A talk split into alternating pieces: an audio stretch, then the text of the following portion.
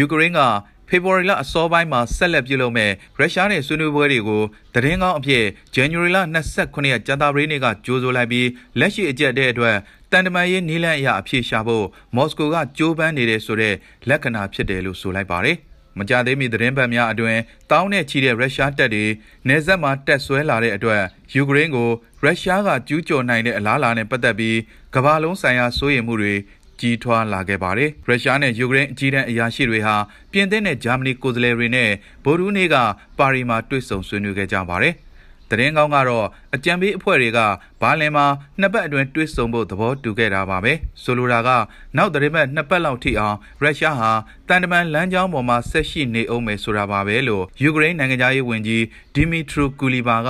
ဆွေးနွေးပွဲပြီးတဲ့နောက်ကိုပင်ဟေဂင်မှာသတင်းတောက်တွေကိုပြောကြားခဲ့ပါတယ်ဗိုလ်ရူးနေ့အစည်းအဝေးအပြီးမှာကြီးမားတဲ့အပြောင်းအလဲများမရှိတော့လဲဆက်လက်ဆွေးနွေးဖို့သဘောတူညီချက်တွေကကောင်းမွန်တယ်လို့၎င်းကမှတ်ချက်ချခဲ့ပါတယ် ဘလို့ပဲဖြစ်ဖြစ်ကီးယပ်နဲ့၎င်းရဲ့စစ်ရေးနဲ့ကာကွယ်ရေးပူးပေါင်းဆောင်ရွက်မှုကိုအားကောင်းစေဖို့အတွက်အနောက်နိုင်ငံတွေကကူညီပေးတဲ့တယ်လို့၎င်းကဆိုပါတယ်ကျွန်တော်ကအပြော့ပါဝါကိုအားပေးတဲ့အမာခံပြေးသက်ဖြစ်တာကြောင့်ဒီအချိန်မှာ hard power ကိုအမှန်တကယ်အသုံးပြုလာရမယ့်အချိန်ဖြစ်လာမှာကိုတကယ်ကြောက်မိပါတယ်ယူကရိန်းအနေနဲ့သူ့ကိုယ်သူခိုင်မာအောင်တိစောက်ခြင်းကအကောင်းဆုံးဟန်တားခြင်းဖြစ်မယ်လို့လည်းယုံကြည်ပါတယ်လို့သူကဆိုပါတယ်ဒီထက်ရုရှားနဲ့စကားမပြောမီ မိမိတို့နဲ့ဆွေးနွေးတိုင်ပင်မှုအတွက်အမေရိကန်အစိုးရကိုချီးကျူးရပါကြောင်းနဲ့ယူကရိန်းမှာရှိတဲ့ကျွန်တော်မိတ်ဆွေရင်းချာတွေကပဲဖြစ်ပါစေကျွန်တော်တို့ဘက်ကအလျှော့ပေးဖို့ပြောဆိုတာမျိုးကိုလက်ခံမှာမဟုတ်ပဲတကယ်တမ်းအလျှော့ပေးတဲ့နာကရုရှားဘက်ကဖြစ်တယ်လို့ယူကရိန်းနိုင်ငံသားရေးဝန်ကြီးကပြောကြားခဲ့ပါတယ်ဒီအတော်တွင်ဒိမက်ကယူကရိန်းအတွက်2022ခုနှစ်ကနေ2026ခုနှစ်ကြားအမေရိကန်ဒေါ်လာ83သန်းအကူအညီပေးရေးအစီအစဉ်ကိုကြာသပတေးနေ့ကကြေညာခဲ့ပါတယ်နိုင်ငံတိုင်းဟာနိုင်ငံရေးဆန္ဒရှိမယ်ဆိုရင်ဖြစ်မြောက်အောင်လုပ်နိုင်ပါတယ်အဲ့လိုမှမဟုတ်ရင်တော့စင်ကြီးတွေအမျိုးမျိုးပေးလို့ရပါတယ်လို့ယူကရိန်းကိုလက်နက်ပေးအပ်ဖို့ညှင်းဆိုထားတဲ့ဂျာမနီကိုရည်ရွယ်ပြီးစောင်းပါရေးချေပြောဆိုခဲ့ပါတယ်။ဟွန်ဒူရက်နိုင်ငံရွေးကောက်ခံကွန်ဂရက်အသစ်ရဲ့စန့်ကျင်ဘက်အဖွဲ့တွေကြားမှာဇန်နဝါရီလ25ရက်အင်္ဂါနေ့ကပထမကျင်းအစည်းအဝေးများအကျိတ်အနယ်ကျင်းပခဲ့ပြီးတမဒအဖြစ်ရွေးချယ်ခံခဲ့ရတဲ့ CO Maya Castro ရဲ့ ကျန်းသစ္စာကျိန်ဆိုပွဲမတိုင်ခင်၎င်းရဲ့ပါတီတွင်နှစ်ချမ်းကွဲမှုတွေပုံမနှက်ဆိုင်လာခဲ့ပါတယ်ကက်စထရိုနဲ့သူမရဲ့လက်ဝဲဝါဒီ Liberty Party ရဲ့အများစုကိုထောက်ခံသူဒုသမ္မတ Louis Redondo က ဥပဒေပြုအဖွဲ့ကိုကိုစားပြုပြီးကွန်ဂရက်ကိုဦးဆောင်ခေါ်ယူခဲ့ပါတယ်ဒီလိုခေါ်ယူကျင်းပတဲ့ကွန်ဂရက်ကိုစစ်တပ်အကြီးအကဲကကြိုတင်ကတိပြုထားတဲ့အတိုင်းကက်စထရိုရဲ့အခွင့်အာဏာကိုအသိမှတ်ပြုကြောင်းပြသတဲ့အနေနဲ့လက်နက်ကိုင်တပ်ဖွဲ့တွေကဗိုလ်လောင်းတွေတက်ရောက်ခဲ့ကြပါတယ်။တပြိုင်နက်တည်းမှာပဲအတိုက်အခံလက်ထောက်ဂျော့ကားလက်စ်ကလည်းကွန်ဂရက်ရဲ့အကြီးအကဲအဖြစ် အွန်လိုင်းကနေ၎င်းရဲ့တစ္ဆာကန်အမတ်တွေနဲ့ကွန်ဂရက်အစည်းအဝေးခေါ်ယူခဲ့ပြီးအဲ့ဒီထဲမှာအတိုက်အခံကိုယ်စားလှယ်အယောက်20နဲ့ကက်စထရိုကိုစန့်ကျင်တဲ့လက်ရရေးအမျိုးသားပါတီ PN ကအဖွဲ့ဝင်အများစုတက်ရောက်ခဲ့ကြပါတယ်။ဥပဒေပြုလွှတ်တော်မှာကိုယ်စားလှယ်128ဦးရှိတဲ့အနက်အဆိုပါအွန်လိုင်းအစည်းအဝေးကို80တက်ရောက်ခဲ့ပါတယ်။ရီဒွန်ဒိုနဲ့ကွန်ဂရက်အစည်းအဝေးကိုတော့အစားထိုးအမတ်တွေထည့်သွင်းကအရေးအတွက်ကိုတိုးမြင့်ခဲ့တာကြောင့်တက်ရောက်သူ65ဦးနဲ့လွှတ်တော်အထမြောက်ခဲ့ပါတယ်။ နိုဝင်ဘာလရွေးကောက်ပွဲမှာအနိုင်ရဖို့အဓိကတော့ချက်ဖြစ်တဲ့ Honduras Coalition Party PSH နဲ့သဘောတူညီချက်ကို Libri အတိုက်ခံအုပ်စုကလေးလျူရှုလိုက်တဲ့အတွက်ပြီးခဲ့တဲ့တောက်ကြနေ့ကစပြီးအကြက်အတဲတွေဖြစ်လာခဲ့ပါတယ်။ အဆိုပါသဘောတူညီချက်အရ PSH ဟာရီဒွန်ဒိုကိုကွန်ဂရက်အကြီးအကဲအဖြစ်ခန့်အပ်ဖို့ကတိပြုထားပေမဲ့အတိုက်အခံတွေကကားလစ်ကိုကြောထောက်နောက်ခံပြုခဲ့ကြပြီးကွန်ဂရက်ကိုအဖွဲ့ဝင်အများဆုံးရှိတဲ့ပါတီကဦးဆောင်တဲ့ကြောင်းညှင်းခုန်ခဲ့ကြပါတယ်။ Honduras ရဲ့ပထမဆုံးအမျိုးသမီးသမ္မတအဖြစ် ခန့်အပ်နိုင်ဖို့နိုဝင်ဘာလ28ရက်နေ့ကကက်စထရိုကိုရွေးကောက်ခဲ့ပြီးလက်ရရဲ့အမျိုးသားပါတီရဲ့12နှစ်ကြာအုပ်ချုပ်မှုကိုအဆုံးသတ်စေခဲ့ပါတယ်။အီတလီလွှတ်တော်အမတ်တွေဟာသမ္မတရွေးချယ်ရေးအတွက်ဇန်နဝါရီလ26ရက်ဗုဒ္ဓနေ့ကမဲပေးရွေးချယ်ဖို့မအောင်မမြင်ဖြစ်ခဲ့ရပြီးပါတီခေါင်းဆောင်တွေအချင်းချင်းတိုင်းပြည်ကိုအကြက်တဲစီတွန်းပို့နေတဲ့ဖြစ်ရအတွက်အပြန်အလှန်အပြစ်တင်ခဲ့ကြပါတယ်။ရွေးကောက်ပွဲမတိုင်မီကသမ္မတယာဒူအတွက်ရှေ့ပြေးဖြစ်ခဲ့သူဝန်ကြီးချုပ်မာရီယိုဒရာဂီဟာလည်းပါတီကနေသူ့ကိုထုတ်ပစ်ဖို့အထိစိတ်ကူးနေချိန်မှာထောက်ခံမဲ9မဲသာရရှိခဲ့ပါတယ်။ဥရောပဗဟိုဘဏ်ဟောင်းကိုတမဒအိမ်တော်သို့ရွှေ့ပြောင်းခြင်းဟာလည်းလက်ရှိအာဏာရညွန်ပေါင်းအဖွဲ့အတွက်ဆိုးရွားတဲ့ထိုးနှက်ချက်ဖြစ်နိုင်ကြောင်းနိုင်ငံရေးလေလာသုံးသပ်သူတွေကသတိပေးထားပါတယ်။ စတုဒ္ဒအကြိမ်မဲခွဲဆုံးဖြတ်မှုကိုကြာသပတေးနေ့မနက်မှာကျင်းပမှာဖြစ်ပြီးအောင်မြင်မှုဆုံးဖြတ်ချက်ဟာအရင်၃ပုံ၂ပုံကနေအပြည့်အဝထောက်ခံမဲ့ရရှိမှုအဖြစ်ပြောင်းလဲသွားတဲ့အတွက်အောင်မြင်ဖို့အလားအလာနည်းပါတယ်။အီတလီနိုင်ငံမှာတမ္ပတဟာရုပ်ပြဖြစ်ပေမဲ့အကြက်အတဲကာလတွေမှာကြီးမားတဲ့အာဏာပိုင်ဆိုးမှုရှိပါတယ်။ ကိုယ်စားလှယ်လောင်းတွေနဲ့ပတ်သက်ပြီးတန်တရားဖြစ်မှုတွေကြောင့်မဲပေးခွင့်ရှိသူအမတ်တထောင်အနက်412ဦးကမဲပေးဖို့ညှင်းဆိုထားပါတယ်။ဒုတိယသက်တမ်းထမ်းဆောင်ဖို့အကြိမ်ကြိမ်ညှင်းဆိုထားတဲ့အသက်80အရွယ်လက်ရှိသမ္မတဆာဂီယိုမက်တာရယ်လာကစန္ဒမဲ125မဲနဲ့အများဆုံးရရှိခဲ့ပါတယ်။ကြည်လင်တဲ့လက်နက်ခင်းအလင်းရောင်အောက်မှာပါကစ္စတန်အနောက်မြောက်ပိုင်းစေကန်းတစ်ခုအတွင်းကအေးခံထားတဲ့ပိုလီယိုကာကွယ်ဆေးတွေကိုစီဒရာဟူစိန်ကစစ်ဆေးနေပါတယ်။ ဟူစိန်နဲ့သူမရဲ့လုတ်ဖော်ကင်ဘက်ကိုစောင့်ကြည့်နေတဲ့ရဲတပ်သားတူကတော့သူ့ရဲ့ rifle ကိုကင်ထားရင်းစောင့်ကြည့်နေပါတယ်။ ပိုလီယိုရောဂါတိုက်ဖျက်ရေးစီမံချက်နေ့ရဲ့အကျိုးရက်မှာမာဒန်မြို့အတွင်းတိန်တက်စင်ကာကွယ်ဆေးစောင့်ရှောက်မှုပေးနိုင်ရေးအတွက်ပထမဆုံးအဖြစ်မြို့အစွန်ကအင်းနေမှာရှိတဲ့ငွေကင်းစကလေးငယ်ရဲ့ပါဇက်သေးကိုနှင်းစီအောင်ဆေးကားတွေညှစ်ချလိုက်ပါတယ်။တာဝန်ရှိသူတွေရဲ့အဆိုအရနောက်ဆုံးပိုလီယိုရောဂါဖြစ်ပွားမှုကို2021ခုနှစ်ဇန်နဝါရီလ29ရက်မှာမှတ်တမ်းတင်နိုင်ခဲ့တဲ့အတွက်လာမယ့်တောက်ကြနေ့ဟာပါကစ္စတန်သမိုင်းမှာတနှစ်တိတိပိုလီယိုဖြစ်ပွားမှုကင်းစင်တဲ့ပထမဆုံးနေ့ဖြစ်လာခဲ့ပါတယ်။ တရားဝင်အားဖြင့်ပိုလီယိုရောဂါအမြင့်ပြတ်ကင်းစင်ကြောင်းပြသနိုင်ဖို့အတွက်နိုင်ငံတနိုင်ငံဟာ၃နှစ်ဆက်တိုက်ပိုလီယိုကင်းစင်ဖို့လိုအပ်ပါတယ်။ဒါပေမဲ့တောင်းကျမ်းမှုတွေကြားကကာဝယ်ဆေးထိုးတဲ့အဖွဲ့တွေအတွက်ဒီ12လအတွင်းမှာတောင်ကင်းစင်မှုပြသနိုင်ဖို့ခက်ခဲလာပါတယ်။အိန္ဒိချင်းအာဖဂန်နစ္စတန်ကိုတာလီဘန်တို့သိမ်းပိုက်လိုက်ပြီးကတည်းကပါကစ္စတန်အတွင်းအကြမ်းဖက်လှုပ်ရှားမှုတွေပုံမအားကောင်းလာပြီး၎င်းရဲ့တိုက်ခိုက်ရေးသမားတွေဟာပိုလီယိုကာဝယ်ဆေးထိုးအဖွဲ့တွေကိုပြစ်မှတ်ထားလေးရှိပါတယ်။ မြင့်မားတဲ့တောင်တန်းတတိုင်းကြီးတွေနဲ့ကာယံထားတဲ့ခိုင်ဘာပါထန်ခွာပြည်နယ်မှာတော့ရှင်ချင်းနဲ့တေချင်းဆိုတာဖျားသခင်ရဲ့လက်ထဲမှာပဲရှိပါတယ်လို့ဟူစိန်က AFP ကိုပြောပြပါတယ်ကျမတို့သွားရမယ်အခက်အခဲတွေကြောင့်နောက်ဆုတ်လို့မရဘူးလို့သူမကမဝန့်မရဲပြောပါတယ် ရုရှားက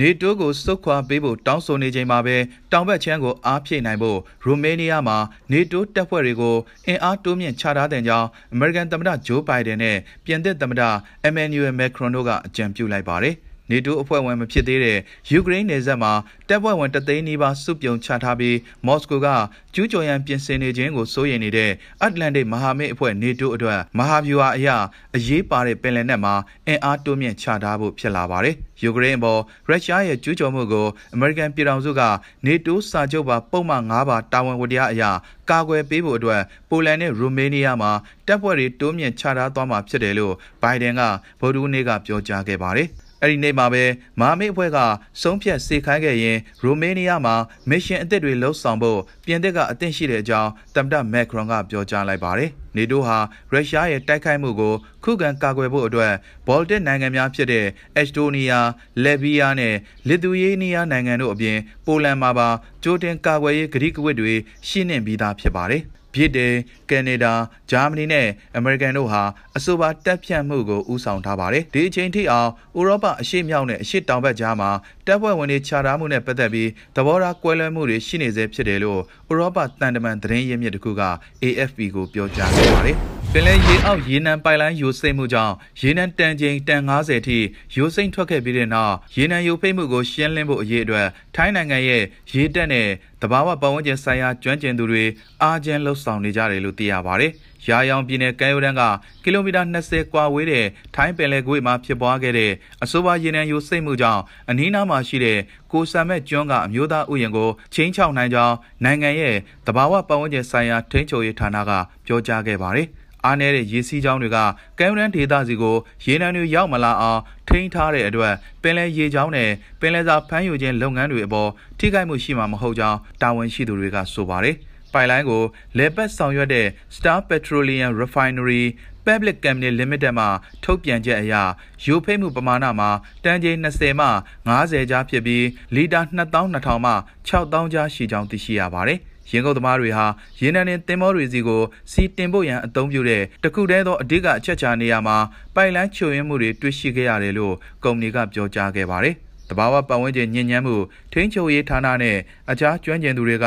ယူဖိတ်မှုအတွက်မြည်သို့အကောင်းဆုံးလှုံ့ဆော်ရမယ်ဆိုတာကိုအကဲဖြတ်နေတယ်လို့ရေတပ်နဲ့အခြား agency တွေရဲ့ပူးတွဲသတင်းစာရှင်းလင်းပွဲမှာတာဝန်ရှိသူတွေကပြောကြားခဲ့ပါတယ်။ 2013ခုနှစ်ကလည်းအဆိုပါဧရိယာအတွင်းမှာပိုက်လိုင်းယိုစိမ့်မှုကြောင့်ကိုစတာမတ်နဲ့အခြားကမ်းခြေတစ်ခုမှာရေနံတွေဖုံးလွှမ်းသွားခဲ့ပြီးညဉ့်ညမ်းသွားတဲ့တဲတောင်တွေကိုပြန်လည်ပြုပြင်ဝန်ထမ်းအများပြားနဲ့အချိန်ယူလှုပ်ဆောင်ခဲ့ရပါတယ်။ယူကရိန်းကို နေတိုးအဖွဲ့ကိုဝင်ခွင့်မပြုဖို့ရုရှားရဲ့အဓိကတောင်းဆိုချက်ကိုအမေရိကန်က January လ25ရက်ဗုဒ္ဓနေ့ကပယ်ချလိုက်ပြီးတစ်ဆက်တည်းမှာပဲမော်စကိုကကျူးကျော်ဖို့အစဉ်သင့်ဖြစ်နေတယ်လို့ယုံကြည်ထားပေမဲ့အကြက်တဲကြားတွေကတန်တမန်လမ်းကြောင်းတစ်ခုကိုကန်လန်းခဲ့ပါတယ်။အ ਨੇ ဆုံးယူကရိန်းအစိုးရနဲ့ဆွေးနွေးဖို့ကတိပေးလိုက်တဲ့မော်စကိုရဲ့ပြင်သစ်နဲ့တီးခြားသဘောတူညီမှုအရပြီးခဲ့တဲ့တောက်ကြနေ့ကဂျနီဗာမှာတွေ့ဆုံခဲ့ပြီးဖြစ်တဲ့ရုရှားနိုင်ငံသားရေးဝန်ကြီးဆာဂီလာရော့နဲ့နောက်တစ်ကြိမ်ထပ်မံဆွေးနွေးသွားမယ်လို့အမေရိကန်နိုင်ငံသားရေးဝန်ကြီးအန်တိုနီဘလင်ကန်ကဆိုပါတယ်